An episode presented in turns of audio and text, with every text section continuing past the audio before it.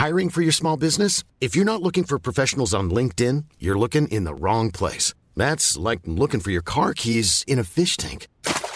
LinkedIn helps you hire professionals you can't find anywhere else, even those who aren't actively searching for a new job but might be open to the perfect role. In a given month, over 70% of LinkedIn users don't even visit other leading job sites. So start looking in the right place. With LinkedIn, you can hire professionals like a professional. Post your free job on linkedin.com slash people today.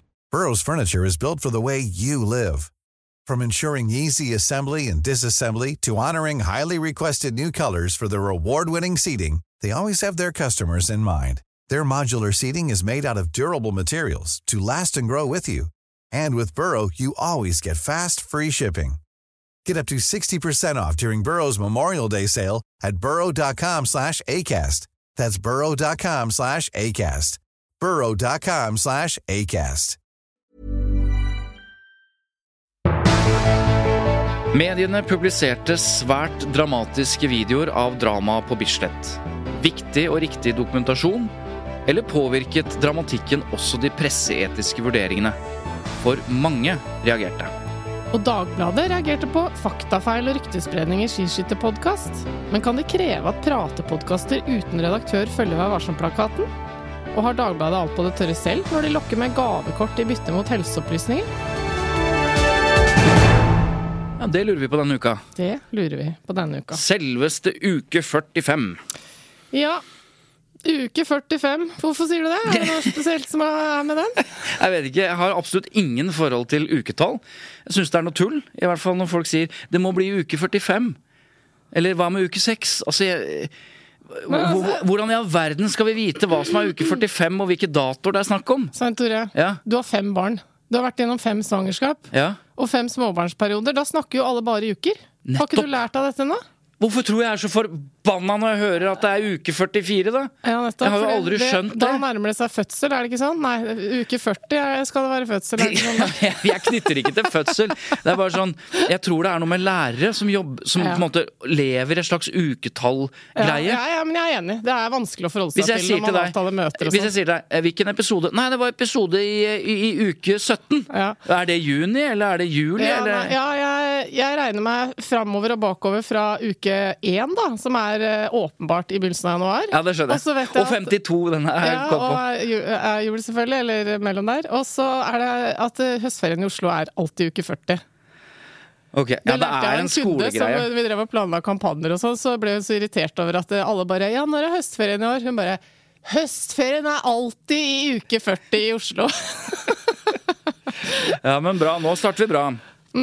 Eh, ved å. Være du, irritert bare bare si- på uka. Uke 45 da, i uh, 2021 Mm. eh, er jo da den uka hvor man, uh, hvor man begynte å føle at er koronaen på vei tilbake igjen nå, da. Men først, uh, før vi irriterer oss eh, mer over uketall eh, og andre ting, Mm. så må vi ha runde over bordet. Ja. Eh, Jeg, eh, jeg har lyst til at du skal begynne. jeg. ja.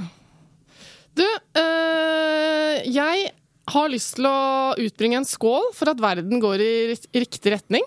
Hurra! Hurra! Men du Tenker du på noe spesielt nå, eller bare generell positivisme? Ikke på korona. Nei. Nei. Du, eh, jeg leste for noen dager siden at eh, produktdirektør Kar Karl Oskar Teigen forteller eh, til Medie24, da, han eh, jobber i Aftenposten, at de ønsker å levere bedre på de behovene de vet at folk har. Fordi som eh, han sier, at de fleste som leser Aftenposten, de gjør det ikke på den samme måten som de har gjort før. Og som de som jobber i avisa har en tendens til å tro. Dermed har de bestemt seg for at de skal erkjenne at forsiden til Aftenposten i større grad er produktet, ikke bare menyen. Og med det så mener han altså ikke bare menyen inn til, Avisen. til avisen, som skal friste deg med, med Eller lure deg, som man også liksom bruker at no, enkelte medier og enkelte eh, lesere føler seg ofte litt sånn lurt når de klikker inn på saker og sånn. De prøver nå å kommunisere at vi har en ny strategi for vår for forside som i større grad skal fungere som en nyhetsoppdatering i seg selv. Og det innebærer at eh, frontsakene skal være mer informative. Og gi et bedre bilde av selve saken. Altså ikke sånne to ord, eh, to ord som egentlig ikke gir noe mening opp mot et bilde som gjør deg nysgjerrig. Sånn. Det skal prøve å gi, gi oss en idé om eh, hva som har skjedd, eller hva som er saken. Og det vil jeg bare si halleluja, gratulerer. Jeg heier på det.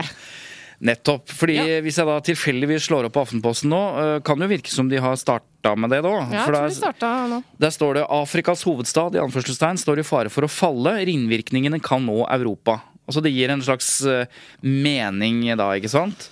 Og så står det eksempel 'En gutt var ute og gikk med papegøyen sin'. Det, det stoppet alle togene på Oslo S. Ja, ja den var jo får du litt, liksom, Ja, eh, men du får jo på en måte Ja. Men i hvert fall, jeg tenkte på det um, onsdag kveld eh, Nei, tirsdag kveld var det vel etter, eh, etter alt som skjedde på Bislett, at uh, jeg gikk kjapt inn på de ulike nettavisene. Og da var det ikke Det var ikke sånn ti saker nedover i feeden på Aftenposten, sånn som det ofte er. ikke sant? De, de har nok en eller annen strategi nå om å samle sakskompleksene i større grad, og ja. Nei, så jeg tenker at uh, det er jo et godt tegn hvis en uh, redaksjon som tross alt lever av å ha kunder, Mm. uh, går til dette skrittet, så er det fordi de tror det vil eh, tjene dem på lang sikt. Men det det er er, jo bra. jo, det er jo interessant, da, fordi dette er jo da, da vil jo på en måte Aftenposten være på den, helt på den ene siden. ikke sant? At de har lange overskrifter som i seg selv er selvforklarende. Mm. Og så vil du ha Dagbladet på den andre siden, som har. Sjokkert, eh, Ja, ja. nedrig eh, ikke sant? Ha Og disse så vil jo ikke de nødvendigvis alltid være ytterpunktene. ikke sant? Det er jo ikke sånn at eh, Aftenposten skal ha hele saken på forsiden Nei hver gang. men, Men, men, nei, det skal jo bli interessant å se hvordan dette For det er jo to veldig forskjellige tilnærminger. Ja, og, begge, og begge er avhengig av de samme klikkene. Begge er avhengig av, av lesere og annonseinntekter osv. Men det er to vidt forskjellige tilnærminger, da. ja, nei, jeg tror eh, Det jeg leste, var at eh, de legger til grunn at eh, det er ikke vanskelig å skaffe seg abonnenter, men det er vanskelig å holde på dem. Nettopp. Det legger han som okay. en slags begrunnelse. da. Ja, men Det blir spennende. Ja. Eh, Jeg for min del har lagt merke til at Siv Jensen har kommet med en bok. Det kommer jo sånne memoarer og politikerbøker hele tiden. Ja, sånn har det vært fem stykker eller noe sånt. Ja, ja, og Kolberg og, og Torbjørn Jagland og holder på. Men dette her er altså et Altså Hun begår et karakterdrap på Carl I. Hagen eh, som er helt formidabelt. Men det er nå greit. Det, det er politikk. Men hun fillerister også norske journalister. Eh, hun har annet en historie som, om at TV, to te, eldre TV-journalister skal ha måte, forsøkt å øh, Eller foreslå at de kunne bli med opp på rommet hennes i bytte mot at hun kom høyt opp i sendingen. Og dette er jo en eh, altså, er det, hvorfor skulle de bli med opp på rommet? Skulle de jeg vet, Det var jo et tilbud om, øh, om å fortsette festen der, for å si det forsiktig. Ja. Eh, nei, det var jo mens hun var ganske ung, det var på et landsmøte. Var det og kvinner eller menn, de journalistene? jeg forsto det slik at det var menn, ja. Ja, nei, jeg bare spør fordi jeg antar at du kommer til det poenget snart òg. Ja, altså I en sånn post metoo-setting så høres jo dette her helt liksom idiotisk ut, ikke sant? Og, og, og alvorlig. Ja. Ikke bare sånn fra mann til kvinne, men, men spesielt sånn rent altså, prinsipielt og journalistisk. ikke sant? Det går Ja. ikke an. For det første så kan du ikke love høyere plass i sendingen i bytte mot noe som helst, men at to eldre Nei, det er uetisk. Ja, det kan man si. Men at to eldre herrer tilbør en ung kvinne Jeg vet at det var eldre herrer. ja, det ble alderen på de ble oh, ja. ikke nevnt, men det var eh, åpenbart noen voksne menn. Ja. Anyways, dette har jo nå nyhetsredaktørene i de to TV-husene vi har, da, liksom kommentert og sagt at dette er jo i så fall helt forkastelig. og sånn og I didn't know about it. Ja, Ja. men eh, nå er det spekulasjoner selvfølgelig herfra til evigheten hvem det var. Men uh, hun, nei, hun sparker mot journalister da, på ulike måter, bl.a. at de tror de, de mener de er feminister, Siv Jensen sier det. Men, men i praksis så stiller de jo masse spørsmål til henne og gjort opp igjennom som de aldri ville stilt til menn, da, om eh, kjoler og barn og kjærester og lesbisk rytter og rykter og hele Ikke sant? Jeg hørte i VG, og legg merke til at jeg sa jeg hørte i VG. Det er det du driver med. Du hører i VG. Eh, også at eh, VG har omtalt eh, det hun, eh, hun kommenterer det at eh, alle har drevet og spekulert i eh, om hun er lesbisk. Mm. Jeg synes det var så kult den måten hun endelig svarer på det. Liksom. Hvorfor skulle ikke jeg ha kunnet sagt det? Dersom det var tilfellet, var derfor jeg spurte om det var Ja, ja. menn eller damer. Ja, for sånn, det, det er litt sånn media har holdt på. At de har hele tiden indikert at hm, kanskje siden hun ikke har noe eh, partner, så kanskje hun er lesbisk og sånn. Jeg syns det var så deilig måten hun liksom, tok livet av den på. Hun bare Hvorfor i alle dager skulle ikke jeg Hvis jeg var det, så hadde jeg vel bare sagt det. er ikke noe altså, Helt sånn Ja, jeg hadde jo turt det. Dessuten har jeg masse homofile venner. Jeg hadde vært stolt av å stå fram som Det homofil syns hvis jeg var det. Ja. eh, kul håndtering.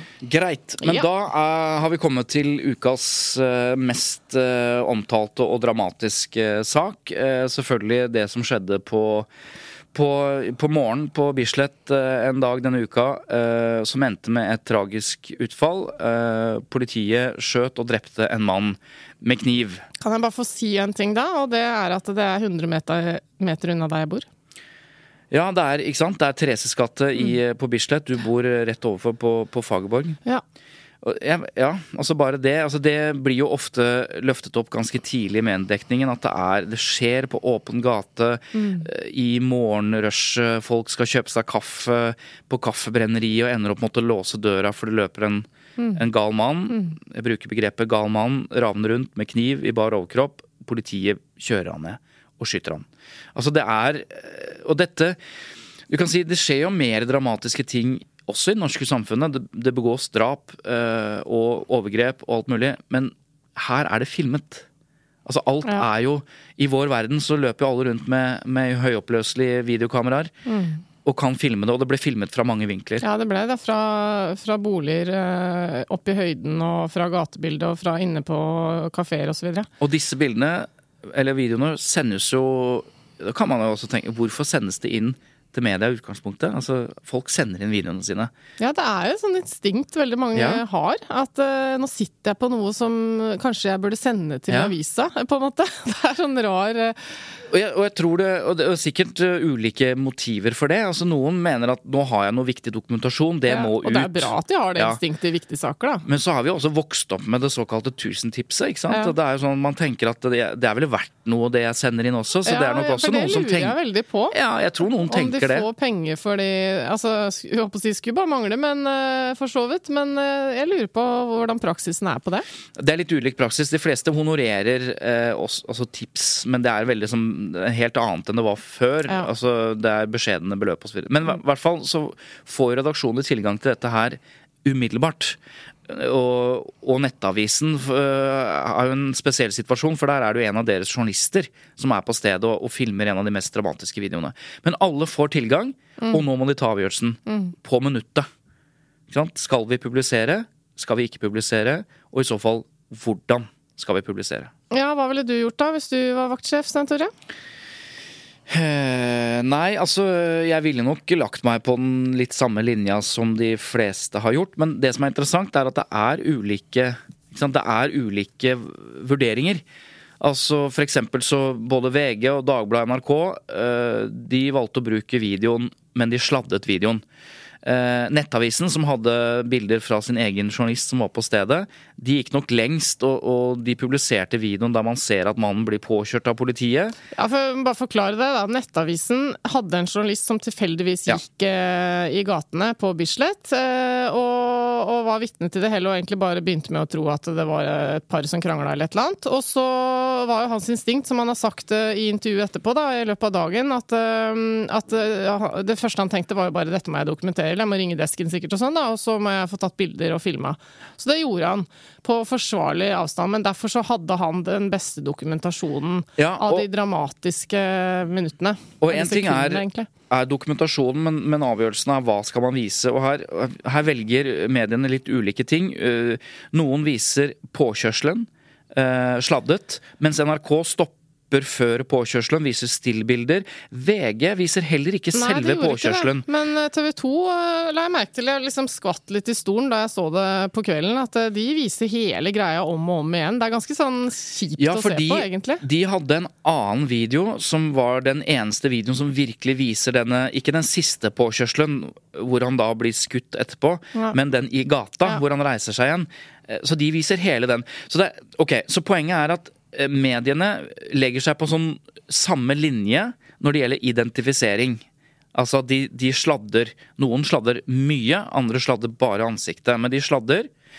Men de legger seg på ulik linje når det gjelder selve påkjørselen og du vet ja. Så det er ulike vurderinger. Og du spurte meg. Jeg ville nok lagt meg tett opp til eh, det som er VG og NRK, hvis jeg, hvis jeg forstår det riktig har sett disse videoene riktig, at de sladder, og de viser heller ikke liksom påkjørselen. eh, Heller ikke den siste. De stopper. For greia er at eh, politiet sendte jo ut en anmodning. Det kan vi komme tilbake til, for det er det også en del som reagerer på. Ja. Eh, om at eh, Husk at eh, sant, personen her er ikke identifisert for de nærmeste, kanskje, og sånn. Så da blir jo det spørsmålet eh, om hvorvidt man skal liksom, tenke at dette er en såpass alvorlig handling at eh, kanskje vi bare skal vise hvem det er som begår den. Det har absolutt alle redaksjoner tenkt, at her Dette er så nytt. eh, vi må sladde. Gjerningspersonen, rett og slett. Men også en del andre rundt. Og Ja politimannskapet osv. Fordi dette er jo folk som, selv om han er i, sant, i en dyp eh, krise og folk er i livsfare, nettopp det at andre folk til stede også opplever noe av det mest dramatiske de har kanskje opplevd i sitt liv, de skal jo også beskyttes, ikke bare han. Men eh, for og imot å publisere sånne videoer eh, raskt når ting er uavklart og sånn, det er selvfølgelig de der? Det er informasjonsbehovet som er i befolkningen, det er handlingens alvorlighetsgrad, eh, det at det oppleves nærmest som et nasjonalt traume, at folk har et ekstremt behov for å forstå hva det er som skjer, da. Det er jo utgangspunktet til media. Så når de da sitter på den type dokumentasjon, så er det sånn Dette må vi vise folk, men hva skal vi ta bort? Hva, liksom, hva skal vi redigere bort for å ta de hensynene vi må, da? Og da, hvis vi bare tenker bare noen år tilbake, så, så var det jo Om man ikke publiserte kontinuerlig på nettet på den måten, så hadde man jo mye lengre tid til å vurdere dette. Ja. Da kunne man liksom Skal vi publisere? La oss ta et møte på det. Altså nå foregår de eh, beslutningene så enormt raskt, og Ja. det er en presseetisk eh, utfordring i seg selv at avgjørelsene ikke kan vente. Men jeg syns jo, eh, ja, jeg, synes jo Vi har fått masse reaksjoner fra lyttere som syns at dette her at man ikke burde publisert videoene. De reagerer veldig sterkt på det. Altså vanlige folk. Mens andre sier at nei, selvfølgelig må vi vite. Vi må se eh, hva som skjer. Det, det skjedde på åpen gate i Oslo. Ja. Det er ikke sånn at uh, man har gravd fram noen overgrepsvideoer og lurer på om man skal publisere det. Det skjedde i Oslo eh, denne uka. Ja. Og Det er også noe av liksom, den løpende nyhetsdekningen og som du sier, informasjonsbehovet som oppstår. da. Men det er litt ulike ting man kan ta stilling til. Og hvis vi tar det første først, da. Det å være så raskt ute med å publisere videoene, det er det noen som har reagert på. Også mediefolk selv som har skrevet kommentarer i løpet av den dagen hendelsene skjedde osv. Mm. Eh, og det er jo lett å tenke seg til at, sant, som du var inne på, før så var det sånn Hvis du var først ute med en sak, så var du kanskje aleine om den saken eh, til eh, papiravisene kom neste dag. Altså før vi hadde nett og, og sånn som det fungerer nå, da. Mens nå har det blitt et ekstremt jag etter å være nærmest noen sekunder foran konkurrentene med ting. Eh, Og i en sånn eh, hendelse som det her, så tenker jeg jo at det er litt interessant å observere hvor utrolig opptatt de er da av å være først, potensielt. Eller det kan virke sånn, i hvert fall. Fordi sånn som eh, vi snakket om, Nettavisen hadde jo da en video som var liksom rett i åra, holdt jeg på å si. Rett i redaksjonen, De fordi en... det var en journalist som var til stede tilfeldigvis. Og de eneste som viste, eller hvor skuddene også faktisk var Ja, på videoen, ja. det var det eneste Nettavisen som viste. Ja, ikke sant. Det er noen andre Jeg har sett en annen video et annet medie hvor du hører dem, men, Ok. eh, men fra inne fra en kafé, da. Ja, men Unnskyld, poenget ditt var at først, veldig Ja, viktig å være først. Eh, og det, det er bare Jeg kjenner litt på det. At eh, det ligger så innebygget i, hos mediefolk, det der med å, med å være tidlig ute og foran konkurrentene. Og det er veldig lett å forstå. Samtidig som det er litt absurd, hvis man tenker over det. Altså, hva har disse, hva har disse minuttene egentlig å si? I hvert fall hvis det går eh, utover eh, detaljene i en presseetisk vurdering, da. For at det, det, virker på meg eh, som en motivasjon som er veldig sånn konkurranse internt, sant, drevet av det. Eh, I, I konteksten av min opplevelse av denne saken, prøver å gjette når jeg fikk vite om dette dramaet her Mm, på tirsdag. Du fikk vel sånne Det skjedde push- på morgenen. push-varsler, du Nei, tingen er at Jeg har skrudd av alle push-varsler Å, ja, fra ok. alle nettaviser, for det orker jeg ikke å forholde meg til. For da Nei. får jeg ikke gjort noen ting på jobb, for da blir jeg forstyrret Nei, absolutt så hele du tiden. fikk vite det en Det neste jeg gjør, er at hvis jeg sitter og jobber eh, med noe som jeg skal konsentrere meg om, så prøver jeg da å ikke gå inn på verken Facebook eller nettaviser. Du verden, for da flink forsvinner er. jeg jo inn i Ja, men altså Sjefen Eva sier til medarbeideren Eva 'bra jobba, Eva'. Ja, hvis ikke så får du ikke gjort jobben din. Kollega til Eva, bra jobba. Bra, Ja, ja. bra gjort. Men du sier du gjetter en time etterpå. Nei, vet du hva? Det var langt utpå ettermiddagen at jeg fikk vite dette her. For jeg hadde bare vært i noen møter. Eh, sittet med jobb, vært under transport. Altså bare tilfeldigvis den dagen. Og det som er La meg si det sånn. eh, Bra jobba fortsatt, Eva, men du, du, du tilhører vel da mindretallet, antageligvis, hvor det går eh, Det timer. jeg. Ja. Ja, Men jeg, poenget ikke ditt den, eh, jeg hadde ikke engang sett den mailen som var da kommet fra skolen. eh, som, sant, som sender en informasjon om at eh, i formiddag var det, som dere sikkert vet fra media, en veldig dramatisk hendelse osv. Eh, hvor politi og våpen var involvert, og alle elever hadde startet skoledagen da det skjedde. Så så vidt vi vet har ingen vært i nærheten av situasjonen. Men dette er filmklipp som kan eh, ikke sant, Så beskriver de at det kan være lurt å snakke med barna nå, for at eh, filmklippene florerer både i media og i sosiale medier av veldig, med veldig dramatiske bilder. Det er også for å understreke eh, at ikke bare har lyttere tatt kontakt med oss og hva fader, liksom. Men det er også en god del eh, eh, folk som jobber med barn og unge. Vi skal komme tilbake til det med barn, men, men poenget ditt her var at du oppdager dette veldig seint. Si, og noen oppdager det etter en time. Egentlig sjokkerende seint. Ja. Men, men poenget er at du lurer på hvorfor de er så hissige på grøten. Ja. Og jeg tror jeg kan svare på det. ja da. Du kan svare på det meste, du. ja, men her kan jeg forsvare med Ja, du får høre argumentene. Altså det, Når vi spør redaktørene, så sier de at det er viktigere at det er riktig, enn at vi er først. Ja. Og det, det må de si, Ja. og det får vi håpe at det, det er sånn de jobber. ja. Det tror Men- jeg de egentlig tenker også. Men hvorfor er det riktig å være først? Altså, eh, Flere aviser har tatt mål av seg å være best på det vi kaller breaking news. Det betyr at de ønsker at seere og lyttere og brukere og lesere skal forstå at hvis det skjer noe, så går vi hit og får informasjon. Og det er klart at da blir det viktig, altså hvis det danner seg et inntrykk da, Ja. blant befolkningen at VG alltid er først. Ja da, Ja, da vil, jeg de, skjønner det. da vil de gå til VG når noen store ting skjer. Og for VG, som jo lever av dette, å formidle nyheter, så klart det er viktig. Mm. Sånn at Jeg skjønner ditt utgangspunkt, og jeg har også tenkt litt det at eh, den interne konkurransen og her, vi var, vi var 30 minutter eller 30 sekunder før de andre. Øy, jubel i redaksjonen. Ja, for det- sånn er det jo ja, Da, ofte. jo da. Men det er fordi de er drevet av å informere og sørge for at de er først ute. Mm. Men men poenget er at hvis, hvis Nettavisen eksempel, eh, hvis alle får et inntrykk av at nei, de, nei, det var kanskje et dårlig eksempel, men hvis Aftenposten aldri er på ballen Mm. de kommer alltid seinere, og de prioriterer ikke breaking news, kanskje fordi det er strategien deres. Ja vel, da går vi ikke til Aftenposten når vi lurer på hva som har skjedd på Bislett. og er og det er nok hovedgrunnen, og det skal vi ha respekt for. At det er en, en konkurranse om å være først, fordi de lever av å eh, skrive om dette. Ja. news uh, ja. Så det tror jeg er viktig. Det skal vi ha med, da. Men ehm, dette med barn det, Fordi vi er jo ikke alltid like enige om eh, Jeg mener at eh, media hittil har ja, har vist eh, at de klarer å ta gode beslutninger, men da er jeg åpenbart helt liksom på kollisjonskurs med en del av våre lyttere, og ikke minst, jeg vet ikke om noen har eh, hørt om denne Helsasister på, på Instagram? Helsesista. Hil- Ikke helsasister. Sorry. Jeg, jeg føler ikke Ja, greit, greit. Men helsesista. Helsesista. Ja. Big, uh, big thing on uh, Snap and Instagram Ja. and so on. Hun reagerer voldsomt uh, på dette. Eh, og skriver at eh, Skal vi se, hva er det hun skriver her, da? De fleste har vel fått med seg tragedien i Oslo i dag. Umiddelbart etter jeg fikk vite om hendelsen, gikk jeg på Snap-story og Insta-story og ba folk om ikke å dele filmer fra hendelsen i sosiale medier av hensyn til pårørende. Hjerte-emoji. Dette er elementært nettvett som er viktig å repetere jevnlig, fordi vi alle iblant kan bli vitne til sjokkerende hendelser og ulykker, og kan lett bli frista til å ta opp mobilen, ta bilder og filme, og sende det rundt. For hva om det gjaldt noen du er glad i? Men hva gjør samtlige av norske medier i dag, skriver hun med store capslock-bokstaver. Og nå leste jeg det på min dialekt, da. Hun har jo dialekt, mener jeg å huske, hun helsesista. Så Men, det klarte jeg ikke å eh, enig i. Innholdet er i hvert fall eh, vel ikke til å misforstå. Hun, og i likhet med en del andre, mener at de ikke burde publisert dette, i hvert fall ikke på denne måten. Hva skjedde med Vær varsom-plakaten, spør hun. Ja, Og det er ingenting i Vær varsom-plakaten som forhindrer mediene å publisere disse videoene. Tvert imot så er det jo ting i Vær varsom-plakaten som taler for å publisere dette.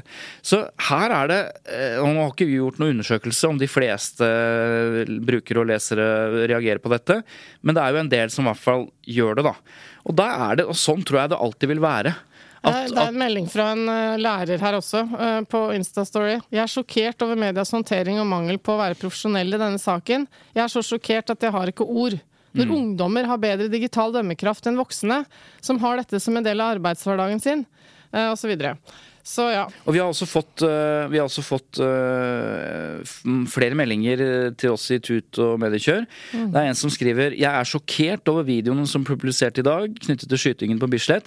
Var det virkelig nødvendig? Var det innafor presseetisk? Håper dere kan diskutere dette. Og det er det vi gjør. Mm. Ja, det er innafor presseetisk, eh, så vidt jeg kan bedømme, uten at eh, vi kan forutse en eventuell klage i PFU. Men det er ingenting jeg har sett som Det er basert på å fortelle om det som skjer. ikke sant? Ja. Det er utgangspunktet til, eh, til mediehusene. At det skjer noe dramatisk. Det bør folk få vite om. Men det er også en interessant kommentar på denne bransjeavisen Medie24 som følger mediebransjen. Det er skrevet av, av hun som er debattansvarlig i Medie24. Mm. Altså Kristine Sterø. Og hun eh, konkluderer veldig tidlig den dagen det skjedde eh, at eh, å filme og dokumentere hendelsen er riktig, men at Nettavisen publiserer videoen så tidlig i en uavklart situasjon, det mener hun var feil. Mm. Og på det tidspunktet så visste vi jo, altså da Nettavisen og de fleste andre publiserte videoene, så visste vi ikke om han var død eller ikke. Mm. Og så skriver hun, og dette er litt sånn interessant altså dette er en, Mannen er i krise, og selv om ansiktet er sladda, er det kanskje de mest dramatiske minuttene av livet eh, hans som kringkastes eh, på internett. Og kort tid senere skal det vise seg at det også var blant de siste minuttene i mannens liv. Hun, hun knytter dette opp mot denne mannen som vi nå vet også har vært eh, dømt til tvungen psykiatrisk behandling osv. Og, så mm. og hun stiller spørsmålet var det spenningen over å ha unikt materiale og iveren etter å være først som trigget da denne push-knappen som først kom. ikke sant? For de sendte en sånn push-varsel. Eh, her er videoen, ikke sant. Um, og så sier hun jeg håper virkelig at ingen familiemedlemmer, venner, naboer eller andre pårørende har sett videoen før de får vite at den de kjenner, er død. Så um, det er jo, Men så kommer det altså med reaksjoner på denne kommentaren. altså Redaktører som sier at jeg, dette er en merkelig argumentasjon, eller vi forstår mm. ikke mm. at vi ikke skulle publisert. Mm. Og jeg tror dette koker ned til uh, en, en, en, uh, en, debatt som det alltid vil være i vanskelige presseetiske situasjoner. Mm. Ikke bare identifisere eller ikke, for her er det jo ikke noe diskusjon om det. Alle, Nei, der har alle vært enige. Alle sladder, i hvert ja. fall mer eller mindre. Men det er skal vi utsette familie, pårørende, venner osv. Og, så og den øvrige befolkningen, barn, som kan gå inn og se disse videoene? Eller skal vi ikke gjøre det? Og hvis vi ikke gjør det, har vi da eh, liksom eh, gjort vår eh, redaksjonelle plikt eh, som presse, nemlig å fortelle om hva som foregår, og vise hva som foregår. Ja. Nei, altså, jeg personlig har egentlig ikke noen problemer med at uh, denne videoen etter hvert har blitt publisert i medienes spalter. Uh, Overhodet ikke. Men det jeg syns er viktig, er å uh, lytte litt til reaksjonene. Spesielt fra de som jobber med barn og unge. For det er jo en ting som man ofte eh, ikke kan begrense. Da, ikke sant? Eh, vi har snakket om det før. Man skal kanskje tenke litt ekstra på hva som eh, settes på forsiden av papiravisene som står utenfor butikkene, som alle blir eksponert for osv. Hvis det handler om ting som kan være veldig skremmende for barn. Mm. Det er vanskelig, ikke sant? fordi at man først og fremst lager produktet sitt for voksne avislesere. Men, eh, men jeg syns det er interessant, for jeg, eh, det står jo f.eks. i Vær varsom-plakaten at man skal ta hensyn til hvordan omtale av ulykker og kriminalsaker kan virke på ofre og pårørende. Det er jo ett punkt som, eh, mm. som, viser at man skal ta hensyn da, til ulike ting. Men ikke sant Ettersom jeg skjønte dette her veldig seint, så var det første jeg gjorde å ringe hjem til ungene mine, ettersom vi bor der de, de egentlig fint kunne vært akkurat der. Mm.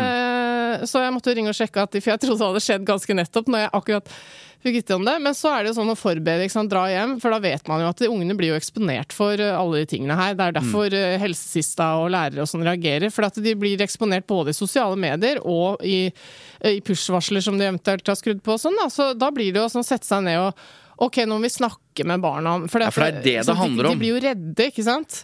Når de ser at uh, det her kunne skjedd, jeg kunne mm. vært der, det kunne vært meg. Alt det der. Jeg, jeg, tror jeg er helt enig at man skal lytte og man skal tenke litt på dette med barn. Og kanskje finnes det eh, noen måter å presentere dette på som kan skåne barn. Jeg skjønner ikke helt hvordan, bare. Nei, altså jeg, eh, jeg, personlig tenker vel kanskje at uh, disse videoene og sånn Det hadde ikke nødvendigvis trengt å være en del av disse push-varslene. De kunne vært uh, lagt uh, steder som ikke nødvendigvis liksom, møter barna ja. uoppfordret i så stor grad. da. Ja.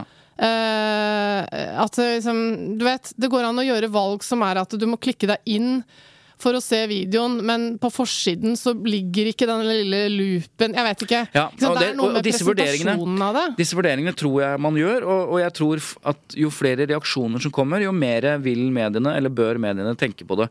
Men bare før vi forlater den saken her, det er en annen ting som jeg syns er interessant, som jeg savner litt.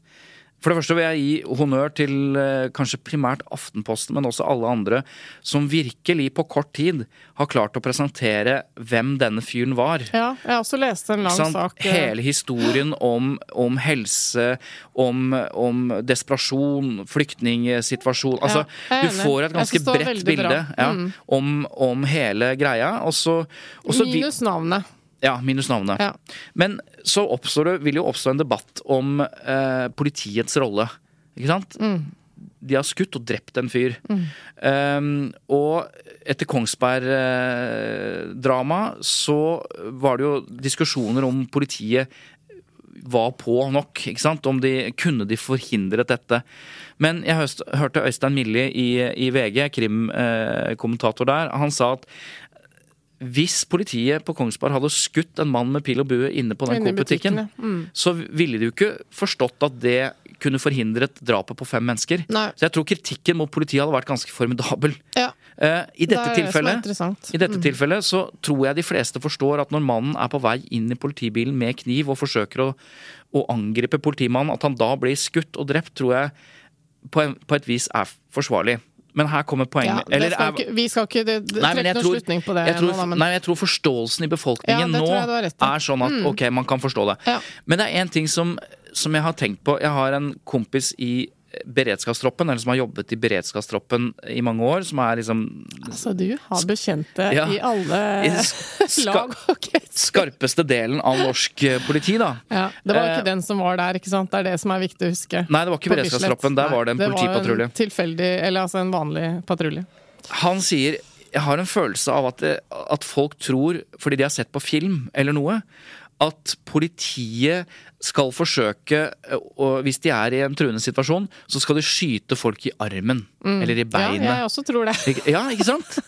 Eh, og det kan kanskje skje Eller det eh, lure var jo når han ble, ble mm, møtt av den eh, beredskapstroppen på, eh, for et år siden, altså i 2019, på Grünerløkka. Da Ja. var det jo sånne elektro...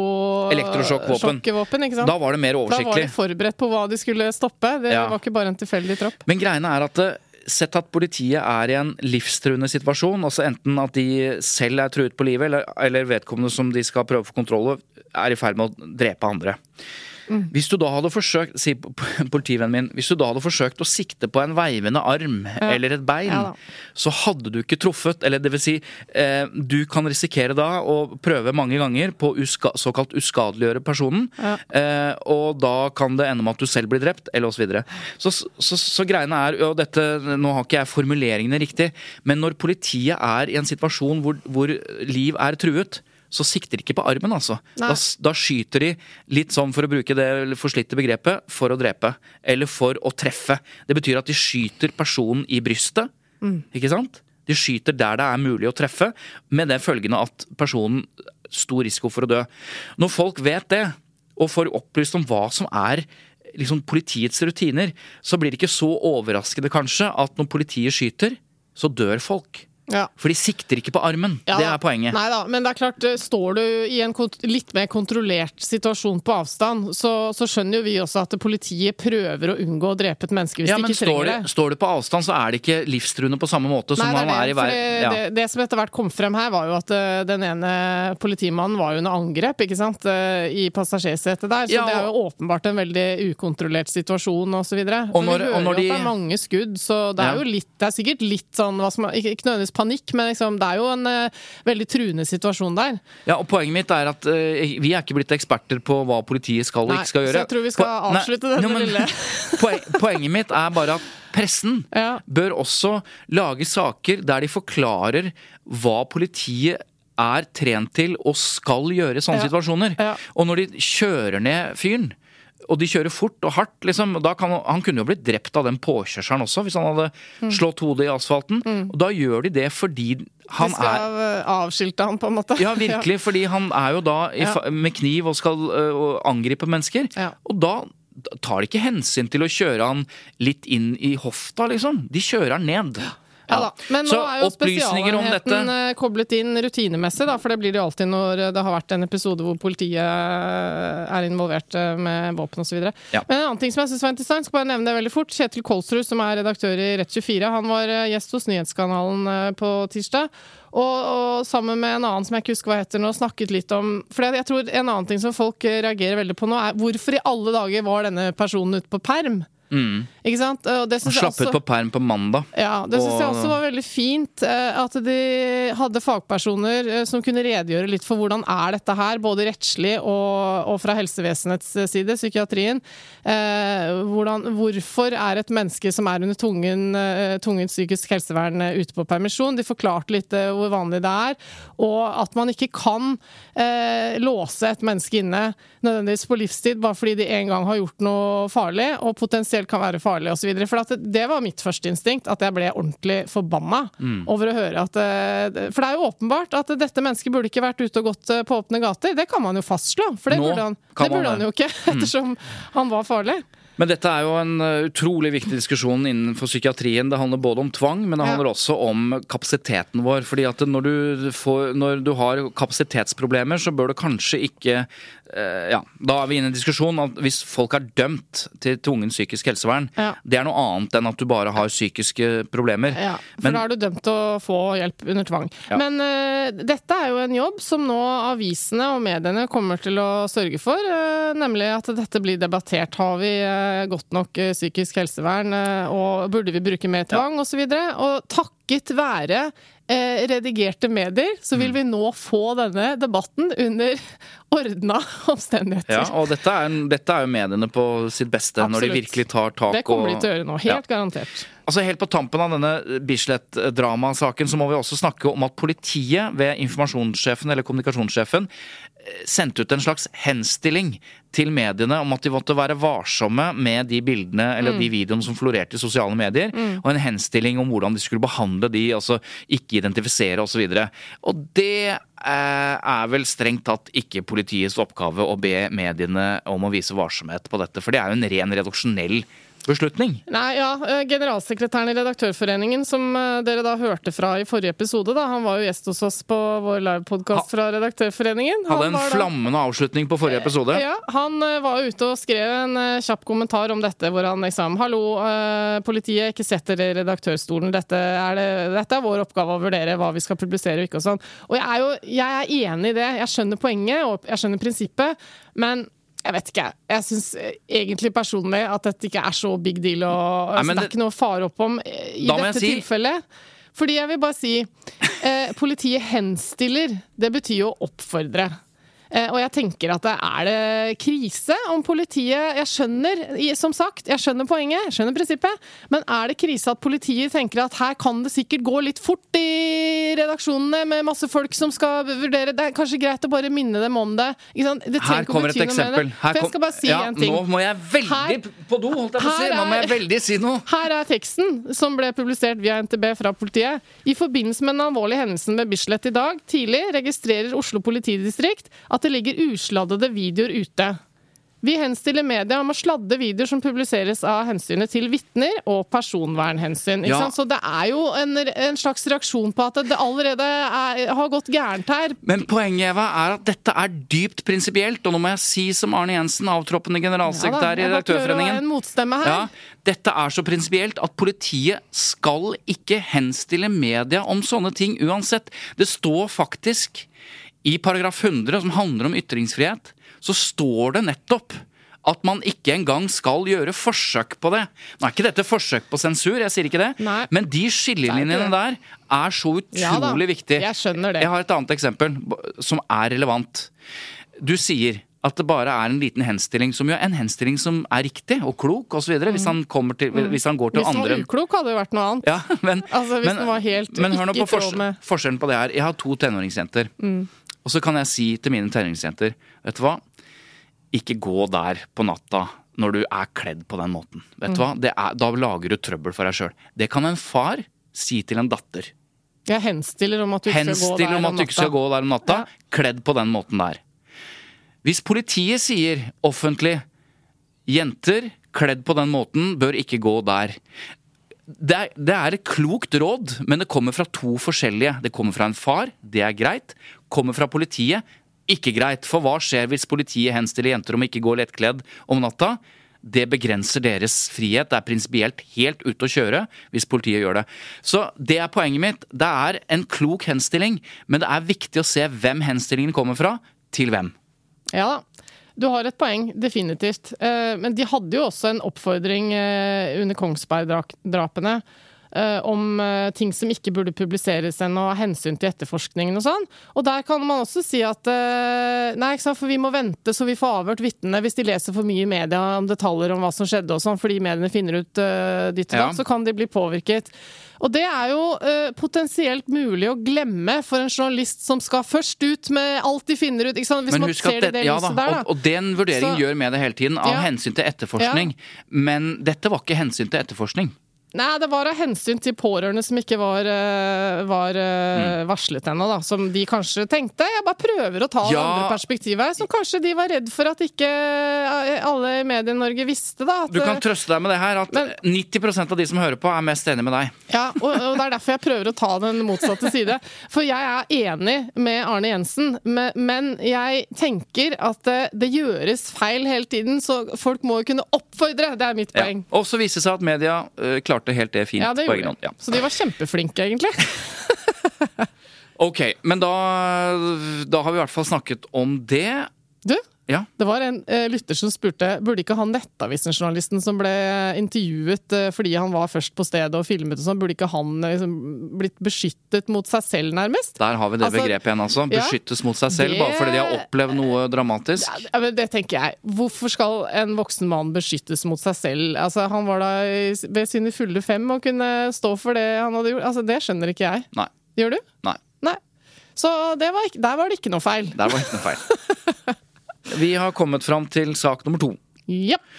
Altså, det handler om Dagbladet og skiskytterjentene Tiril Eckhoff og Ingrid Tandrevold. Ja, for Dagbladet har jo prisverdig, da, kan man jo si, eh, holdt på med en artikkelserie om spiseforstyrrelser i idretten. Eh, Og det er jo et svært prosjekt, mm.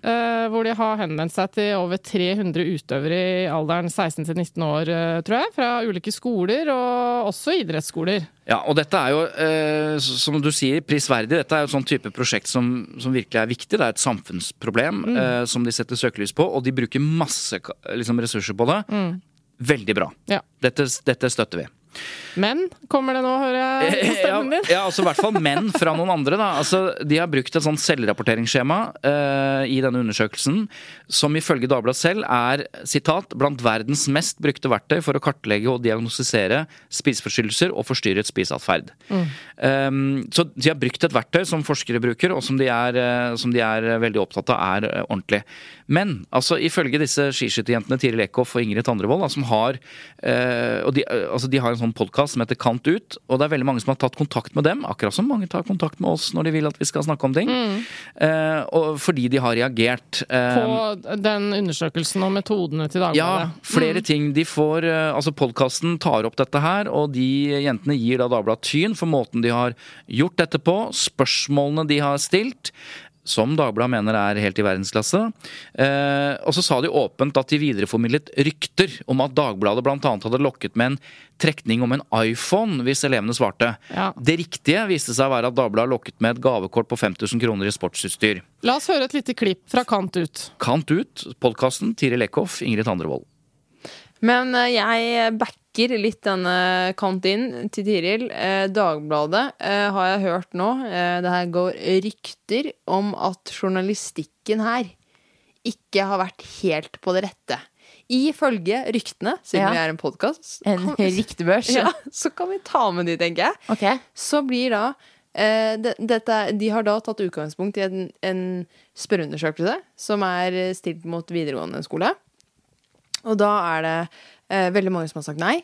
så det jeg, ryktene altså, Ja. eh, ryktebørsen, sier, er at Dagbladet har brukt en ganske sånn shady måte å hente opplysninger, eller spørreundersøkelse med anførselstegn. Eh, fordi eh, de har da benyttet eh, ikke bare sånn eh, vanlig spørreundersøkelse, de har til og med oppsøkt da eh, ungdommer eh, mellom 16 og 18 år, og lagt de til på Facebook og sagt du kan vinne en iPhone hvis du svarer Nei. på denne Jo, svarer på denne eh, spørreundersøkelsen. Men det her kan jo ikke stemme. Nei, men ok, men dette her er jo dette er rykte. Så Ja. da bare Hvis noen av dere har, av våre lyttere har vært borti dette her Og hvis noen Er du den heldige vinneren? Så men, kontakt Og det aller, aller verste, syns jeg, da, er jo da dette spørreundersøkelsen som har sånn fuck, fantastisk ledende spørsmål. Sånn Har du følt at du har brede hofter? Du, Nei. jo, det er helt krise. Så det er sånne spørsmål disse stakkars eh, 16-18-åringer har fått. Så Dagbladet reagerte da med å ta kontakt med podkasten og påpekte at det var masse feil, eh, mye som ikke stemte, og de snakket om Vær varsom-plakaten, og at de burde fått samtidig imøtegåelse, og brukte et, eh, et etablert eh, hva skal jeg si, pressespråk da, Ja. overfor disse podkasterne, med masse begrep som de hører vi jo i oppfølgingsepisoden at de ikke skjønte bæret av. For at de, de var på en måte De snakket med dem som om de var på et veldig sånn redaksjonsnivå. Ja, og Tiril Eckhoff eh, har jo moro av å, å, dette ordet 'sannhetsgehalt', som hun ikke har hørt før. Nei. Som hun eh, Ja, men lang Altså, så vanskelig er ikke det ordet, men eh, det var litt morsomt, for eh, de følte seg litt fremmedgjort i denne dialogen, åpenbart. da. Lang historie kort. Jentene lagde en bonusepisode der de leste opp hele korrespondansen med Dagbladet, Ja. som da, som du sier, krevde rettelser. Eh, og Tandrevold og Eckhoff leste opp dette, men de står likevel på kritikken av Dagbladets metoder, selv om de innrømmer at de var upresise på De hadde bl.a.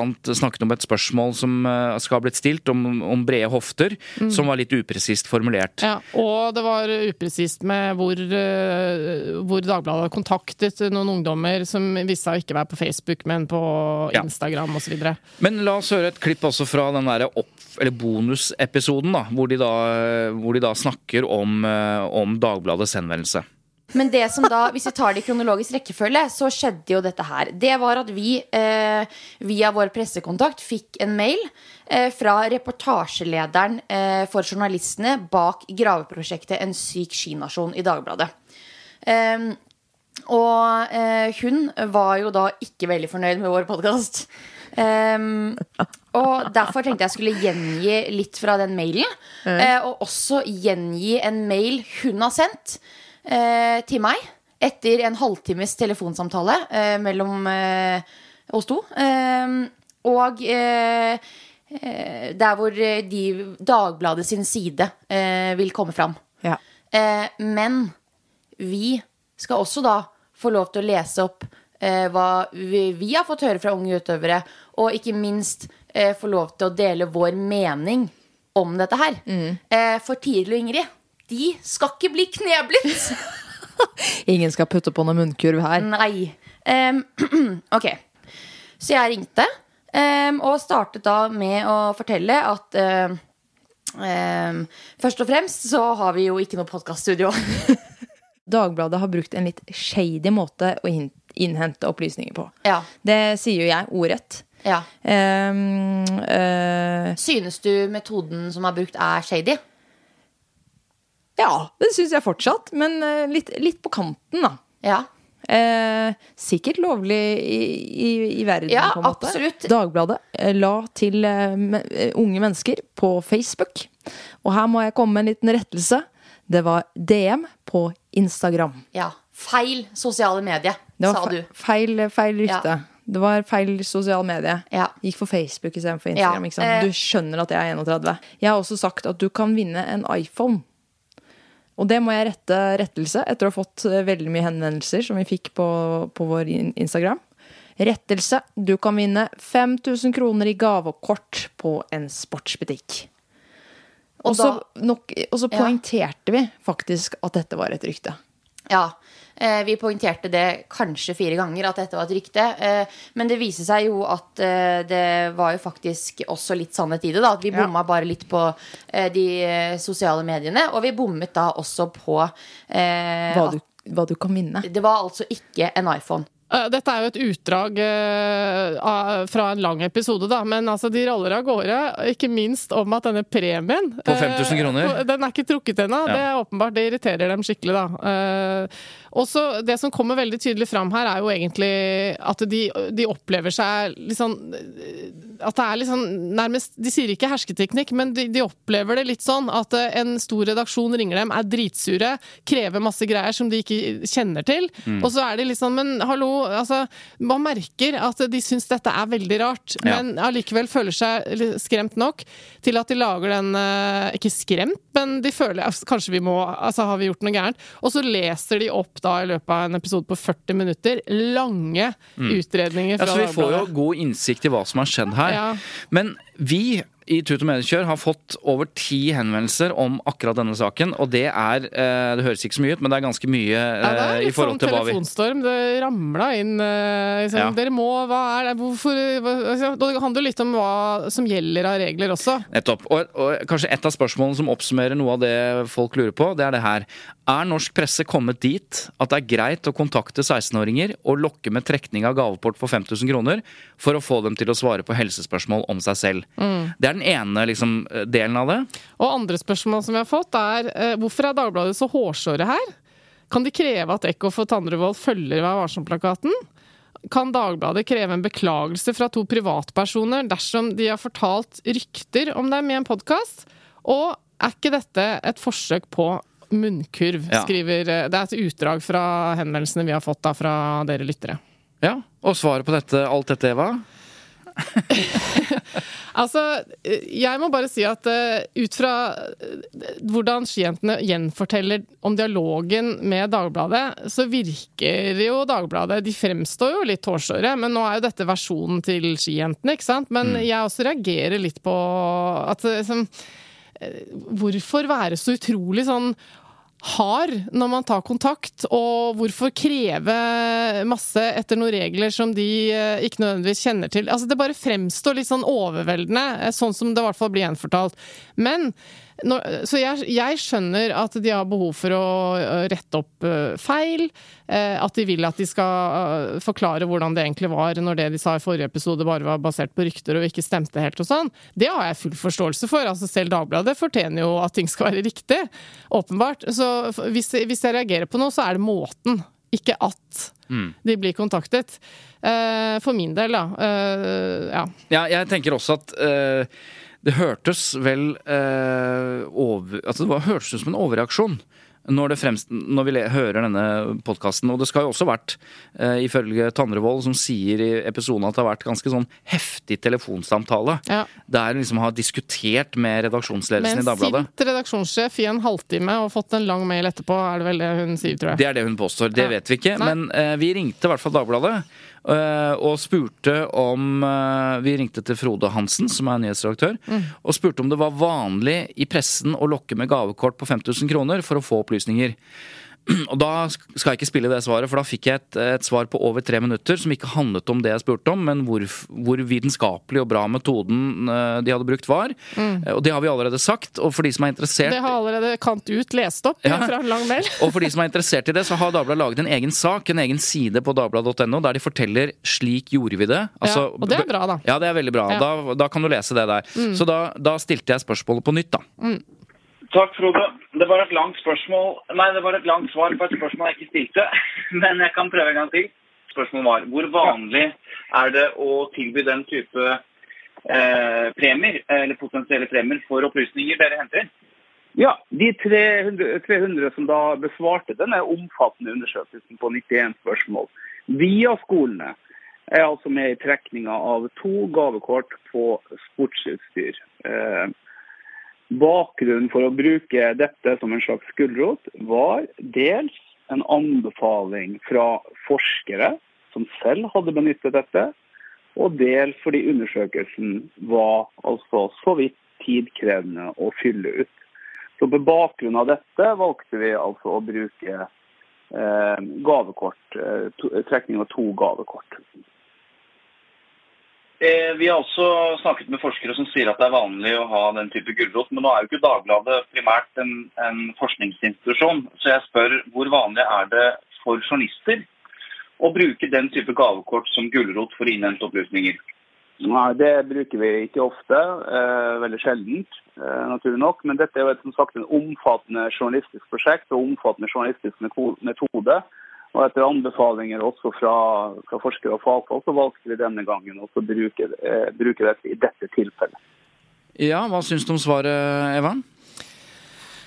Ja, altså, jeg vil si at eh, i utgangspunktet så, så har jeg en holdning som er at eh, hvis folk skal bruke veldig mye tid på å hjelpe en redaksjon med noe, eh, så syns ikke jeg det er noe galt å gi dem eh, en slags takk, et honorar eller et eller annet for det, i, i, i og for seg. Men vi snakket tidligere sant, om få, få folk penger for tips. Faren med det er jo at eh, hvis det er for store honorarer når folk skal dele ting med pressen, så blir man motivert av det man kan få ut av det, heller enn at det er etisk riktig og sånn, da. Så folk kan ende opp med å gjøre ting som de ikke ellers ville ha gjort, fordi de får penger. Så det er jo det som er problematisk med det. Det var jo en svær sak for mange år siden eh, hvor man gikk inn og, og, og skulle prøve å sjekke dette med betalingsjournalistikk og sånn. eh, Som i ukebladene har vært mest ja, i eh, regi av Pressens faglige utvalg, blant annet. Fordi eh, det kom for en dag at noen av redaksjonene, blant annet Se og Hør og de litt mer tabloide, bruker mye tipshonorarer. Da. Men dette er noe annet, så jeg tenker at dersom Dagbladet her snakker om en, en helt ordinær undersøkelse som krever mye av folk, fordi de ønsker å lage journalistikk, finne ut litt mer fakta og sånn, og eventuelt gi litt premier, eh, kompensasjon fordi det er eh, tidkrevende sånn, så, så har ikke jeg i utgangspunktet noe stort problem med det. Men, Men- det som er vanskelig i akkurat denne saken, er jo at det, det samtidig påstås at denne er litt, eh, altså sitat eh, skijentene, da, litt shady eh, i spørsmålsstillingen. Det er deres ord. Eh, og dersom det skulle være tilfellet, at den ikke er helt stuerein og sånn, da er det jo problematisk. For da kan man oppleve at det er en lokking. Bli med på dette her, selv om ikke det er helt ikke sant? Så det er der Mm. Men nå problemet ligger, da. har jo Dagbladet sagt at dette her er Sånn har vi gjort det. Dette er en undersøkelse som, som eh, Altså, skal man finne ut om jenter har problemer med spiseforstyrrelser, Ja. så må man jo hele- da må man jo inn i det, materiet. Ja. Eh, og så er det sånn at Noen syns det er ubehagelig å snakke om, de vil ikke være med. Og det er noen som har valgt å ikke være med, men de fleste var med. Når det gjelder akkurat dette gavekortet, de får jo ikke noe kompensasjon for å bruke tid. Neida. For de er Det er med trekningen. ja, de er 300 stykker, eh, og de kan få sportsutstyr. To stykker kan få Og sportsutstyr det for er da 5000 kroner. ifølge disse skijentene ennå ikke trukket noe brevet til noen, men det, det kan jo være praktiske grunner. da. Jeg, jeg tenker at eh, Dagbladet hadde nok stått seg på å ikke bruke den type lokkemidler i en sånn type sak, fordi det handler om helseopplysninger, og du skal Ja, ikke det er føle det, det er helseopplysninger. du skal, Jeg, jeg syns ikke det er riktig, selv om forskerne bruker det. De bruker, altså de forskerne jeg snakket med før denne episoden, snakker ikke om 5000 kroner i gavekort, de snakker om 500 f.eks. Ja. Så det handler litt om størrelsesforholdet. At det, og det er, som jeg sier, Dagbladet er ikke en forskningsinstitusjon.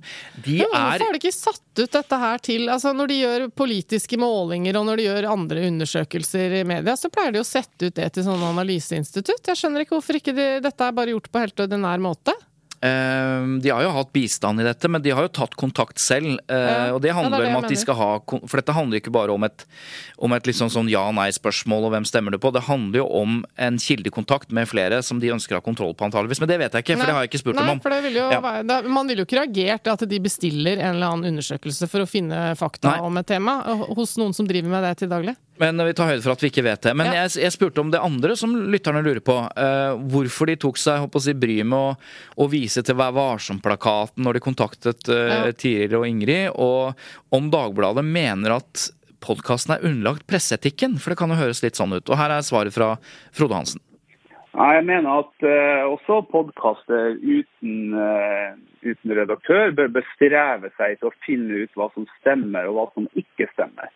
Og Det kan man jo annet finne ut dersom man snakker med de som er involvert på forhånd. Og I dette tilfellet her så virker det altså som om, om eh, Eckhoff og Tandrevold uttalte seg på, på sviktende grunnlag, og det virker som de ikke har fått korrekt informasjon.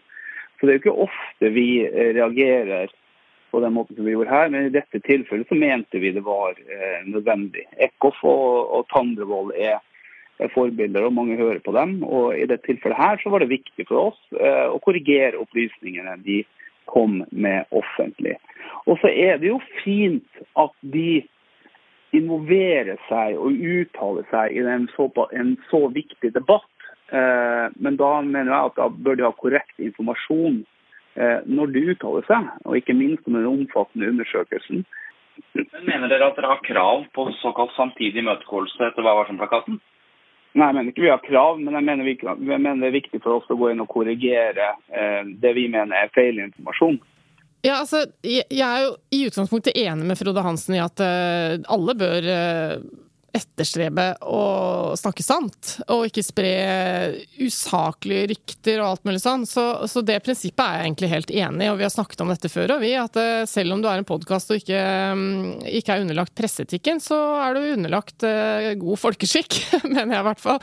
Så uh, hvis det er noe som er helt hårreisende Vi har kritisert andre podkaster før for å liksom, spre om seg om ting som kanskje ikke er helt mm. hensynsfullt overfor andre og sånn. Eh, så det prinsippet er jeg helt enig i. Men, eh, men, det er det der med å liksom bruke pressespråket, bruke sånne begreper som samtidig imøtegåelse og sånn, det virker eh, for meg som å kanskje gå litt langt, da. Når man hører på denne Kant ut-podkasten, så er det jo veldig tydelig på at det ryktes, og det kan man diskutere. Det er vanskelig, dette her.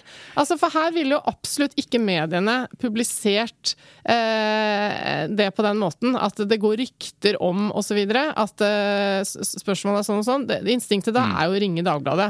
Og det sier jo Eckhoff og Tandrevold at uh, vi sitter bare her og det er, det er, lett å forstå, ikke sant. De bare har med seg en opptakere. De sitter og prater en gang i uka etter trening.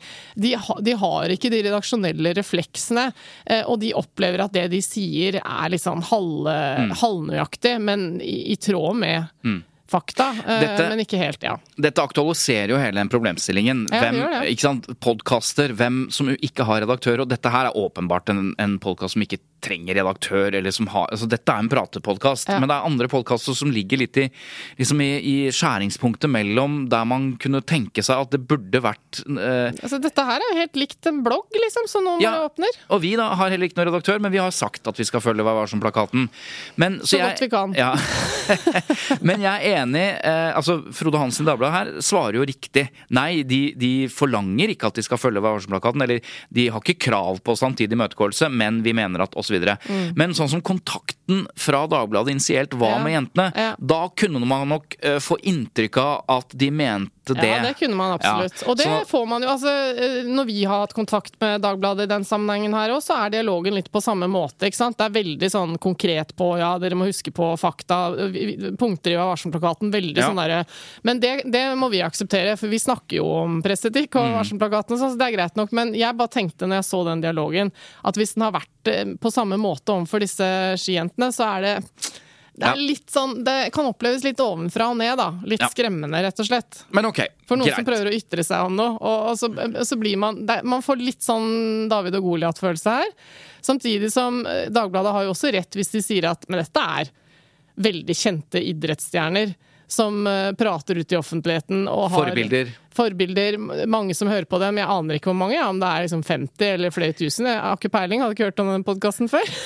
men, men, det er jo et poeng, det òg. Ja, de har en stemme. De må i hvert fall eh, liksom, innse mm. et visst ansvar som de har som, som helter, da. Ok, Men har vi spurt andre redaktører om hva de syns om Dagbladet? Ja, jeg har uh, sendt en e-post til veldig mange redaktører uh, med omtrent de samme spørsmålene som du har stilt til Frode. da, Egentlig av nysgjerrighet, for at dette er jo et vanskelig tema. Så mm. Mener man at uh, presseetikken skal gjelde for uh, podkaster som ikke har redaktører, osv., osv.? Uh, og jeg må si, jeg skal ikke gjøre et poeng ut av det nå, at samtlige, og jeg mener jeg har sendt ut i sånn 12-15 redaktører. Ja. Samtlige eh, hadde ikke satt seg nok inn i, i, saken til å kunne svare på det. Fordi Utgangspunktet mitt var jo at eh, vi har sagt i Tut og Mediekjør at eh, dere ikke er så flinke til å kritisere hverandre, så nå vil vi gjerne høre hva dere mener om dette osv.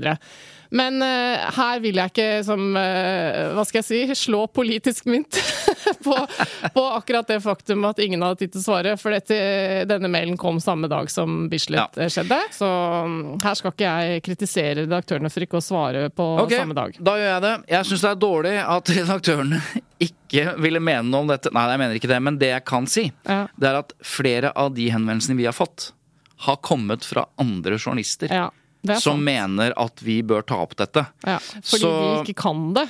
Eller Eh, ja. føler seg komfortable med det. Ja, altså det er jo, Hvis det er noen som skal mene om det, så er det jo redaktører i andre uh, aviser. Men vi har hatt kontakt med flere journalister som stiller spørsmålet. Men de vil ikke gjøre det uh, liksom offentlig. Men de lurer på om vi kan gjøre det. Om det er et stikk til Dagbladet, eller om det er at de, men, at de er uenige om fremgangsmåten, og da primært spørre 16-åringer om helseopplysninger og, og lokke med gavekort.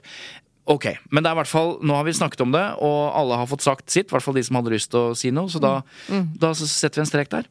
Det gjør vi.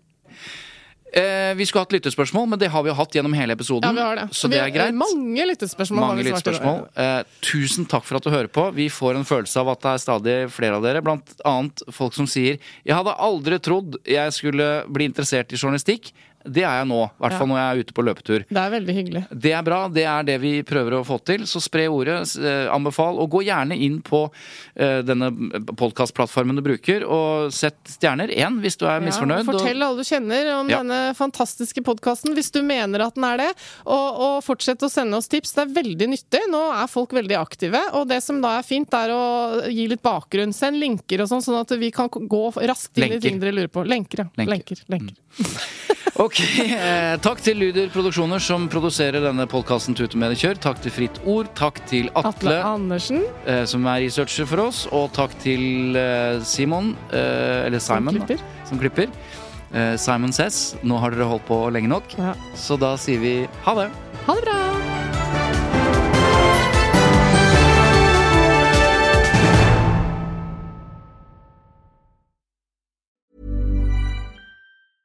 Normally, being a little extra might be a bit much, but not when it comes to healthcare. That's why United Healthcare's Health Protector Guard fixed indemnity insurance plans, underwritten by Golden Rule Insurance Company, supplement your primary plan so you manage out of pocket costs. Learn more at uh1.com. Hey, it's Paige DeSorbo from Giggly Squad. High quality fashion without the price tag. Say hello to Quince.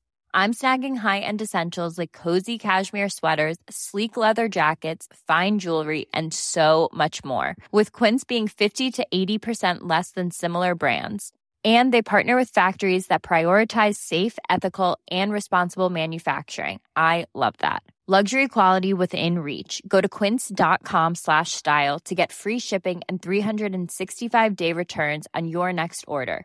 Quince.com slash style.